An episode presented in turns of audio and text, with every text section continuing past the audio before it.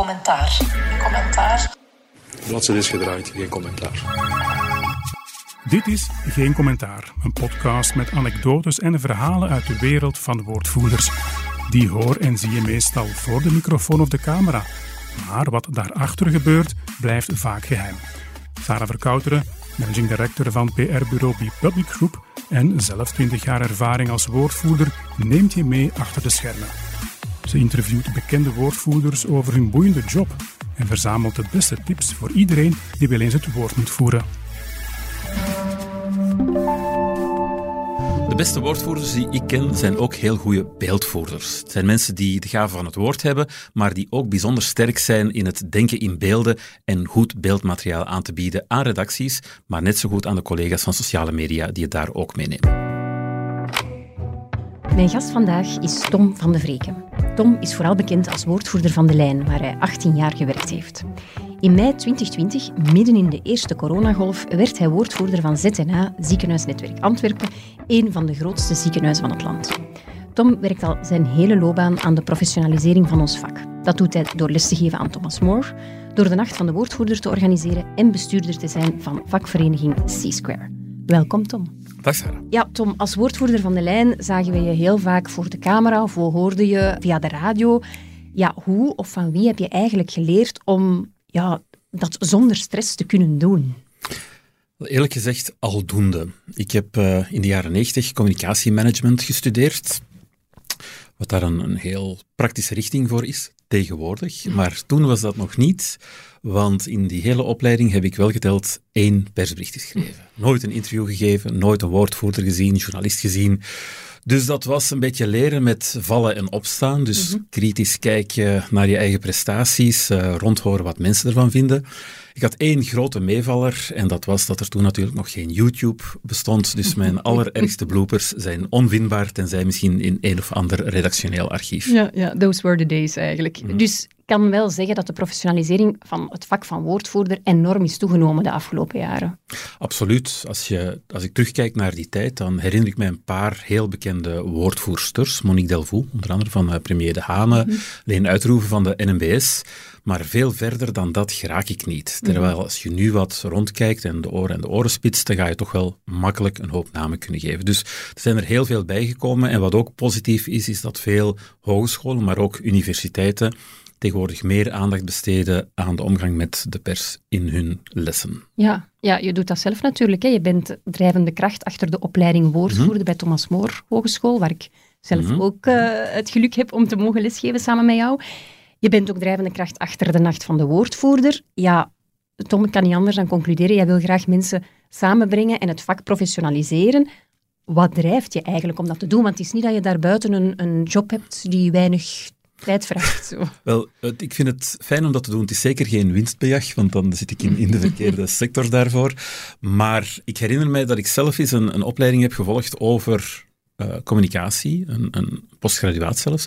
En er was ook een les over omgaan met de pers. En ik heb onlangs die, die cursus nog eens vastgehad. En omgaan met de pers, dat was een cursus van welgeteld anderhalve A4. en dan dacht ik van, ja, dat moet toch wel beter kunnen. Daar is toch meer over te vertellen, want ik was toen zelf al een jaar of twee woordvoerder van de lijn. En niet veel later heb ik dan zelf de, de, vraag van die opleiding gekregen om daar les te gaan geven. Ik gaf intussen ook al les aan Thomas More.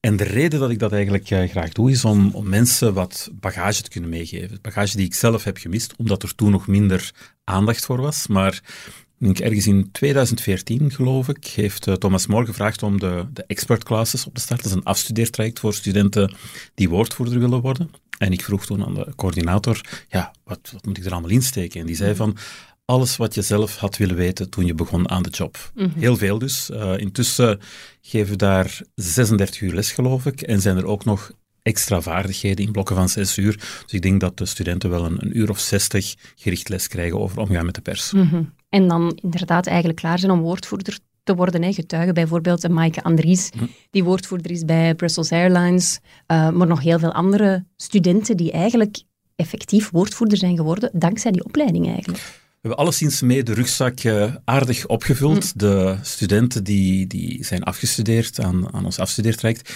die weten heel veel meer over de job dan toen ik er zelf aan begon in 2000. Ik vind dat ook wel belangrijk dat we die mensen wat, wat vertrouwen, wat tips, wat do's, wat don'ts hebben kunnen meegeven. De successen, maar ook de valkuilen.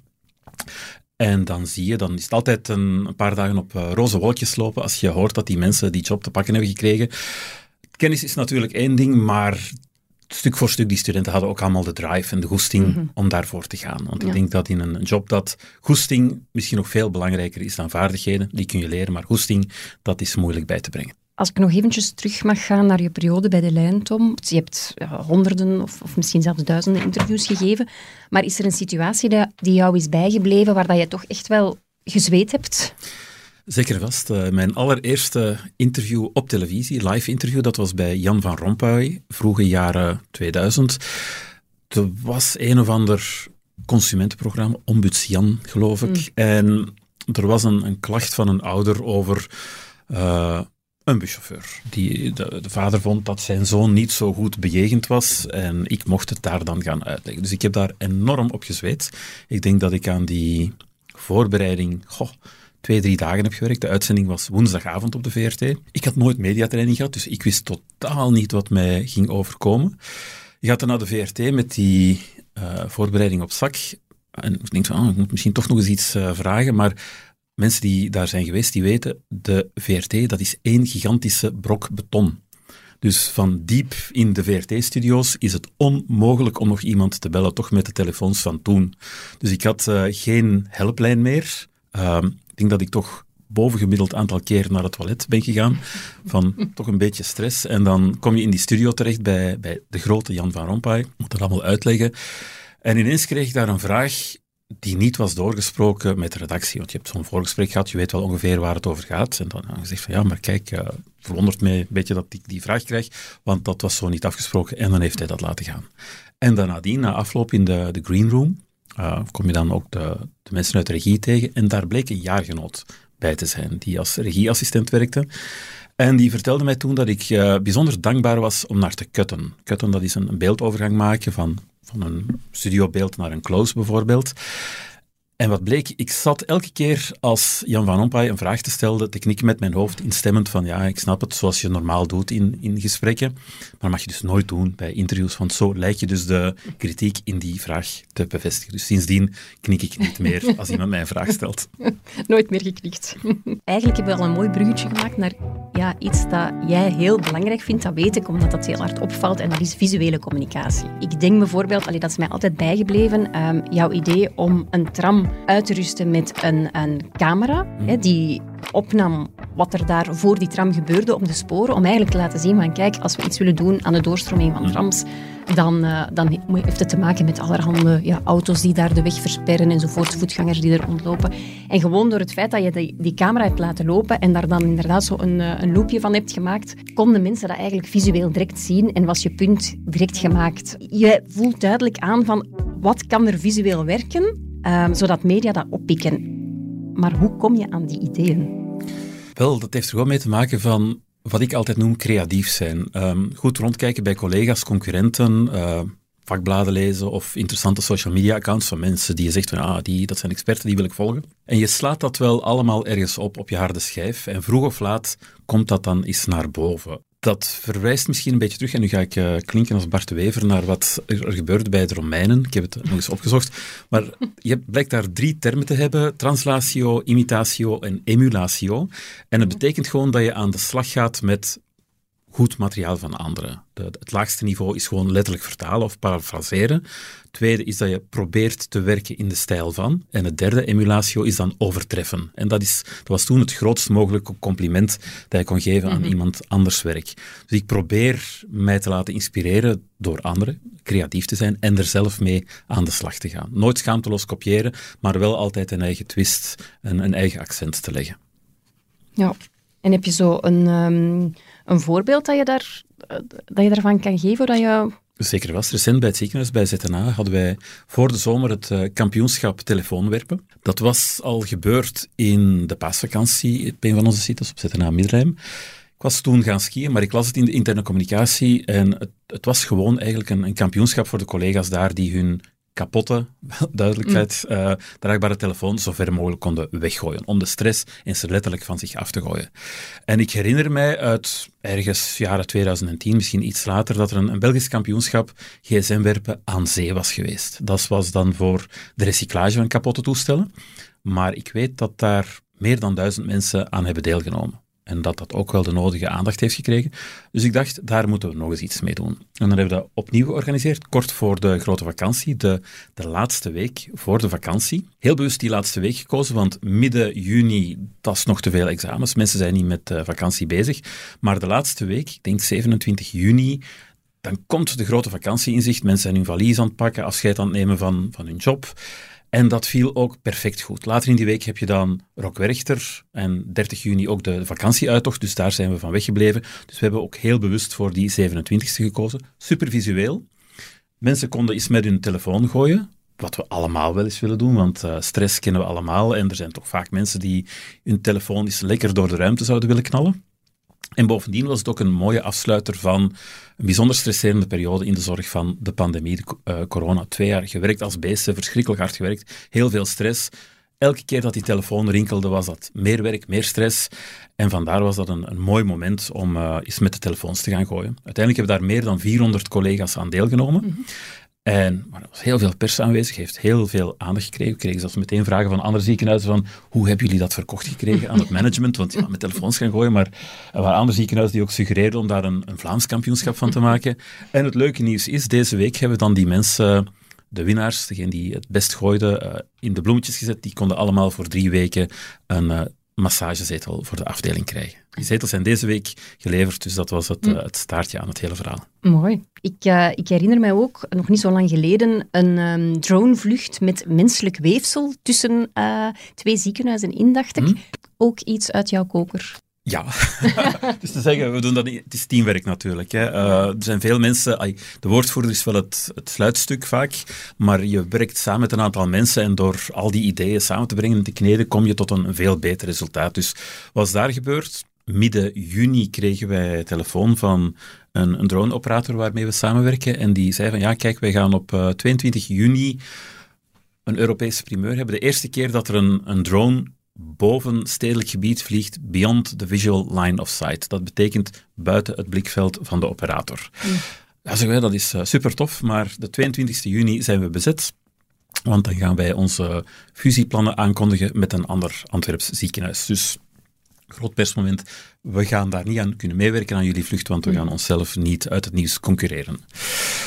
Uh, die, die mensen hebben dan een, een, persberichtje uitgestuurd met een foto erbij van de drone die geland was. En dat leverde dan een stukje op, denk bladzijde 24 van de Gazet van Antwerpen op. Het verhaal bleef toch een beetje. Uh, ik denk van ja, we moeten misschien toch iets mee doen, maar we hadden iets extra nodig. Gewoon die, die drone die nog eens zou vliegen, dat was niet genoeg. We dachten van kijk, kunnen we daar misschien een extra laag aan toevoegen? En de extra laag betekent dan dat we de eerste keer menselijk weefsel zouden overvliegen tussen twee ziekenhuizen, bovenstedelijk gebied, beyond the visual line of sight. Oké, we steken in elkaar, sturen wat uitnodigingen uit en onmiddellijk gigantisch veel respons daarop van de redacties. Want dat maakt duidelijk, dat is het punt dat ik hier wil maken, wordt vaak gezegd, stuur maar een persbericht, maar betekent eigenlijk dat de baas wil dat je in het nieuws komt. Stuur maar een persbericht, dat is een middelenopdracht, terwijl de opdracht moet zijn, kom in het nieuws, een doel. En er zijn heel veel manieren om aandacht van pers te trekken. Persbericht blijft interessant, maar wat echt supergoed werkt bij journalisten is, laat die getuige zijn van iets, laat die iets doen, geef die zijn blik achter de schermen. En hier konden ze op de eerste rij staan bij een Europese primeur, uh, iets dat nog nooit was gebeurd. Ze konden het ook allemaal filmen, ze konden erbij zijn, ze konden mensen interviewen. We hebben dat dan mooi in elkaar gestoken. We hebben eigenlijk aan beeldmateriaal gewerkt op twee niveaus. Eerst en vooral hadden we natuurlijk de, de obligate set foto's van de drone, het toestel, een kaartje van het traject dat die drone zou afleggen en ook videomateriaal, beeldmateriaal van de vlucht gemaakt door de drone zelf. En dan was er natuurlijk ook de landing zelf op het dak van het ziekenhuis. En daar waren twee opstelplekken voor, voor de pers. De, de mensen van de operator hadden gezegd, daar is het veiligst om te staan en daar ook. Mhm. De ene plek bleken er allerlei hekken en infrastructuur tussen de journalisten en de landingsplek te staan. Dus dat hebben we dan uh, weggelaten en dan toch een andere plek gevonden waar ze een heel mooi zicht hadden op de landingsplek. En uiteraard ook de, de cameramensen gebriefd van, van waar die drone zou uh, opstijgen, hoe die zou vliegen, dat ze ook de vlucht een beetje konden mhm. meenemen. Mhm. Dus hard gewerkt op uh, beeldkant van het verhaal, met ook heel goed gevolg. Ik denk, we hebben dat eens laten uitrekenen, de advertising value equivalent, zoals dat dan heet, dus de commerciële tegenwaarde van alle redactionele aandacht, hadden we die moeten kopen, was iets van een, een half miljoen euro. Mooi voor uh, eigenlijk iets dat dus al gebeurd was, waar dat je eigenlijk een extra laag aan toevoegt en op die manier eigenlijk een visueel persmoment creëert. Hm. Betekent dat, Tom, dat gewone klassieke persconferenties met een aantal mensen achter een tafel voorbij zijn? Dat dat uh, iets van het verleden is? Ik denk ergens van wel. Het is te zeggen, niet helemaal, maar de persconferentie zoals we er gisteren nog eentje hebben gezien met Wouter van den Houten bij Anderlecht over de, de mhm. daar, dat is natuurlijk een situatie waarbij je heel veel vragen krijgt. Een, een, organisatie die enorm in de kijker loopt, heel veel vragen van het publiek, de supporters, anderen. En dan moet je wel een verklaring afleggen. Ik mhm. denk persconferenties, dat zie je ook wel gebeuren bij ja, de regering, de wekelijkse beslissing van de regering. Maar voor andere gelegenheden denk ik dat je beter overschakelt naar een persmoment. Je blijft natuurlijk wel wat toelichting geven. Je praat over wat er gaat gebeuren, wat er gaat getoond worden, wat er, wat er aankomt. Maar daarnaast denk ik dat een, het beeldluik daar superbelangrijk is geworden. Als je alleen maar het, uh, het gesproken hebt, dus een, een reeks talking heads achter mhm. een tafel, dan gaat het om louter de verklaring. Maar ik denk dat uh, persmomenten waar je alleen, of als je alleen maar een verklaring hebt, stuur ofwel een persbericht of leg je het uit voor de camera of op een persmoment. Mhm. Heb je meer, dan zou ik het een persmoment noemen, of een persbriefing of een persdemo. Ja, maar je moet natuurlijk wel de juiste beelden hebben. Dat is ook niet altijd zo evident om, om een goed idee uh, te vinden om het effectief visueel aantrekkelijk te maken. Dat is kwestie van nadenken en op tijd aan te beginnen. Een, uh, een pers bericht heb je vrij snel in elkaar gestoken. Als je ervaren bent, kan dat op een half uur of een uur of misschien twee uur. Beeldmateriaal vraagt sowieso wat meer tijd. Je moet de fotograaf op pad sturen, je moet misschien een beetje een setting organiseren, die fotograaf mhm. brieven. Ehm, die gaat vaak ook zijn beelden een beetje bewerken. Uh, en het wordt nog veel tijdsintensiever als je er een video van gaat maken. Want dan moet je een scenario maken, je moet uh, misschien wat figuranten zoeken, wat mensen die het uitleggen, een locatie. Dus hoe complexer het beeld, hoe meer voorbereidingstijd dat je daarvoor mm nodig hebt. Dus vandaar ook, denk uh, er op tijd, begin er op tijd aan. is, woordvoerders zijn veel meer dan ooit ook beeldvoerders geworden. De, de tijd dat je met een persbericht kon volstaan, ligt ver achter mhm. ons. Ik heb vroeger een, in, in Lier, waar ik woon, een, een buurman gehad, Johan van Rooij. Ik journalist bij onder andere VTM en uh, Gazet van Antwerpen. En die had mij eens verteld, in de jaren 90 kon hij tegen zijn eindredacteur nog zeggen je moet geen fotograaf sturen, ik heb al tekst genoeg. ik, zou, ik denk dat het tegenwoordig eerder is van, je moet geen journalist meer sturen, we hebben al een foto. Inderdaad. Tom, naast iets met beeld heb jij ook iets met cijfers. Hè? Ik herinner me nog dat je een soort van logboek bijhoudt uh, van welke journalist welke vraag heeft gesteld doorheen het jaar. Waarom is dat voor jou belangrijk?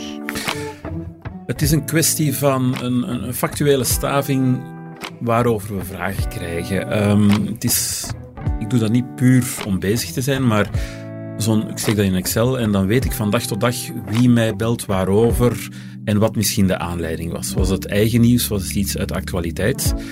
En dat is interessant om te zien van ja, wie belt ons het meest, waarover, bij wie moet ik zijn. Want het is ook wel interessant om je perslijst daarmee uit te breiden. Maar ook om op langere termijn eens te kijken van ehm, ja, welke onderwerpen draaien hier goed, waarmee kunnen we zeker nog eens terugkomen. Welk verhaal is nog niet helemaal verteld?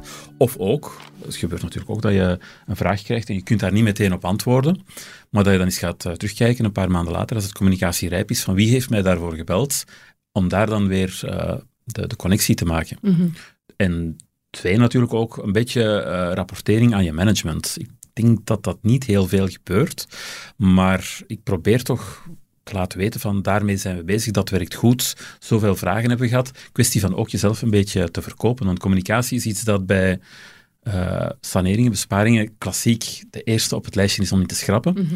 Maar je moet wel een beetje, vind ik, je werk in de kijker zetten. Dus elke keer als we een, een, een persactie hebben gehad, dan stuur ik naar directie en de betrokkenen natuurlijk van dat is het geworden. Uh, als je nog nieuws hebt, hou mij zeker op de hoogte. Zodanig dat die mensen ook wel gaan meedenken en ook, ook een nieuwe bron van nieuws worden. Ja, ik vind dat eigenlijk heel goed dat je dat zegt, uh, Tom, want ik denk dat heel vaak woordvoerders het ook zo druk hebben dat ze eigenlijk vergeten hun interne PR te doen. Uh, terwijl dat, dat absoluut belangrijk is. Hè, dat mensen intern ook zien, ja, hoe hard er gewerkt wordt, uiteraard, hè, door de communicatieteams, mhm. maar ook effectief wat voor effect het kan hebben uh, in de buitenwereld om te investeren in communicatie. Ik denk dat in bedrijven en organisaties heel veel uh, indicatoren zijn over wat men produceert of uh, uitbrengt, of bezoekers aan de website bijvoorbeeld, mm. of sociale media. Allemaal heel goed. Maar in communicatie, en zeker in perscommunicatie, het mag meer zijn dan we hebben zoveel persberichten uitgestuurd of zoveel interviews. Ik bedoel, met welke onderwerpen ben je echt gefocust bezig? Wat zijn je speerpunten? Waarop ga je werken? En dat dan doortrekken als rode draden door je hele jaar en daar ook de nodige acties over opzetten. Mhm. Want communicatie mag meer zijn dan communiceren wat je tegenkomt. Dat is niet slecht, maar er mag ook een beetje strategie in zitten van welke onderwerpen gaan we claimen, waarop gaan we ons echt profileren, welke smoel willen we claimen. Mhm.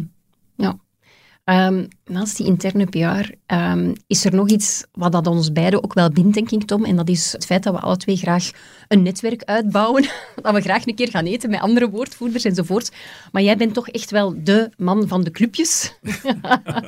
um, ja, waarom doe je dat? Hè? Waarom breng je woordvoerders graag samen uh, rond de tafel om... Uh, koffie te drinken of iets te eten? Of, of, of ja, wat, is, wat is daar de reden van? Is dat puur uh, praktisch, functioneel, van ik heb die mensen nog eens nodig en dan ken ik ze beter? Of hoe? Ik zie de horeca graag, maar dat is niet de belangrijkste reden. Uh, ik denk dat het is terug te voeren naar 2008 of 2009.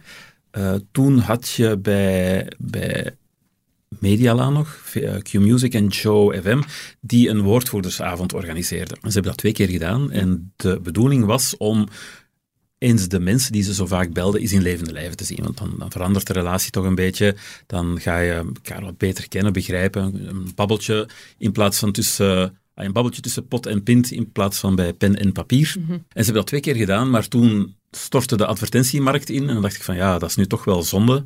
Uh, nu, ja, nu kunnen we niet meer bijeenkomen. Ik dacht van kom, ik probeer eens iets. Uh, de eerste nacht van de woordvoer, 2014. Dat was meteen vol zit. En ook de jaren nadien was het altijd een vol huis. Mhm. En van het een is het ander gekomen, dus de, de jaarlijkse nacht van de woordvoerder. Ergens vermoed ik dat Belga daar ook eh, zijn inspiratie heeft gehaald voor de nieuwjaarsreceptie, maar dat is, uh, moet je misschien eens aan, aan Hans en, mm Lieve vragen. Maar van het een is dan het ander gekomen en dan, dan heb ik een paar kleinere clubjes opgericht. Uh, in Antwerpen hebben we er nu eentje met de, de communicatoren uit de stad, politie, brandweer, ziekenhuis, universiteitsparket. Uh, we hebben er ook nog zelf eentje met een aantal oud-woordvoerders. En dan heb ik er ook nog een derde met wat uh, collega's uit, uit, de ziekenhuissector. Ja. Maar de kwestie daar is van ja, je belt elkaar, je zit allemaal met dezelfde vragen, je zit allemaal met dezelfde problemen, uitdagingen, zaken waarvoor je misschien wat zit te worstelen of de oplossing niet meteen weet. En vandaar, je kunt elkaar helpen, want we hebben allemaal wat ervaring in onze kijk op de zaak. En op die manier, ja, een WhatsAppje hier of een, een Facebookgroep daar, dat is snel opgericht. En uh, op die manier kunnen we elkaar toch een beetje helpen en zaken signaleren. Ja, en ook eens zagen tegen elkaar zo, als het tegensteekt. Uh, dat moet ook kunnen, veronderstel ik, in zo'n uh, in zo'n club. Dat is misschien ook de, de belangrijkste reden, het groot therapeutisch moment, kunnen we dat noemen. Dus er wordt wel eens geklaagd over woordvoerders. Door journalisten merk ik wel eens in, stukken dat het... Je had onlangs in een boek gelezen dat het leugenaars zijn. En ik herinner mij een uh, bekende opiniemaker die dat ook zegt. Uh, woordvoerders worden betaald om te liegen. Ik ben ervan overtuigd dat overgrote deel zijn job met inzet doet en correct doet. Er zullen er hier, misschien, hier en daar misschien een paar zijn die de kluit wat belazeren. Maar ik denk dat je dat in alle sectoren hebt. Dus dat uh, is, maakt het niet gerechtvaardigd om uh, stenen te werpen naar deze of gene beroepsgroep. Mm -hmm. Eindigend, Tom, doen we altijd met de drie gouden tips. Kan je die van jou ook met ons delen? Zeker en vast. Eerst en vooral, er is meer dan een persbericht. Als de baas zegt, schrijf een persbericht, wil die eigenlijk zeggen, krijg dit nieuws in de pers, in de media. Een persbericht is een instrument daarvoor, maar er zijn veel meer mogelijkheden. Dus Denk verder dan een persbericht, maar vergeet het persbericht niet, want dat blijft altijd een goede basis, factuele info voor de journalist om op verder te werken of om gewoon letterlijk over te nemen als het heel goed opgesteld is. De tweede tip. Denk in beelden. De tijd van alleen maar persberichten ligt ver achter ons. Beeld is, denk ik, minstens de helft van het verhaal. Dus zorg dat je goede beelden bedenkt. Begin daar op tijd aan, want een beeld goed beeldmateriaal bedenkend produceren vraagt veel meer tijd dan een persbericht opstellen. En drie, wees creatief. Met een D betekent laat je inspireren, pomp je harde schijf vol met materiaal, ideeën, goede voorbeelden van anderen, van collega's, van sectorgenoten, maar ga daarmee aan de slag. Vroeg of laat uh, wordt dat een automatisme en ga je de, de goede elementen snel herkennen en gewoon automatisch toepassen, zonder dat je daar al te veel over moet nadenken. Mhm. Oké, dank u wel, uh, Tom. Ik onthoud uit dit gesprek dat je ja, sinds je interview in de tv-studio met Jan van Rompuy geen ja meer knikt als mensen je iets vragen. Dat je in de media kan komen gewoon door je gsm weg te gooien en dat de woordvoerder dus alsmaar meer een beeldvoerder wordt. Bedankt voor dit gesprek. Alsjeblieft. Dit was Geen Commentaar, een podcast met anekdotes en verhalen uit de wereld van de woordvoerders. Benieuwd naar meer? Lees het boek Geen Commentaar van Sarah Verkouteren, uitgegeven door Pelkmans. Of ontdek meer tips over communicatie en PR op bepublicgroup.be.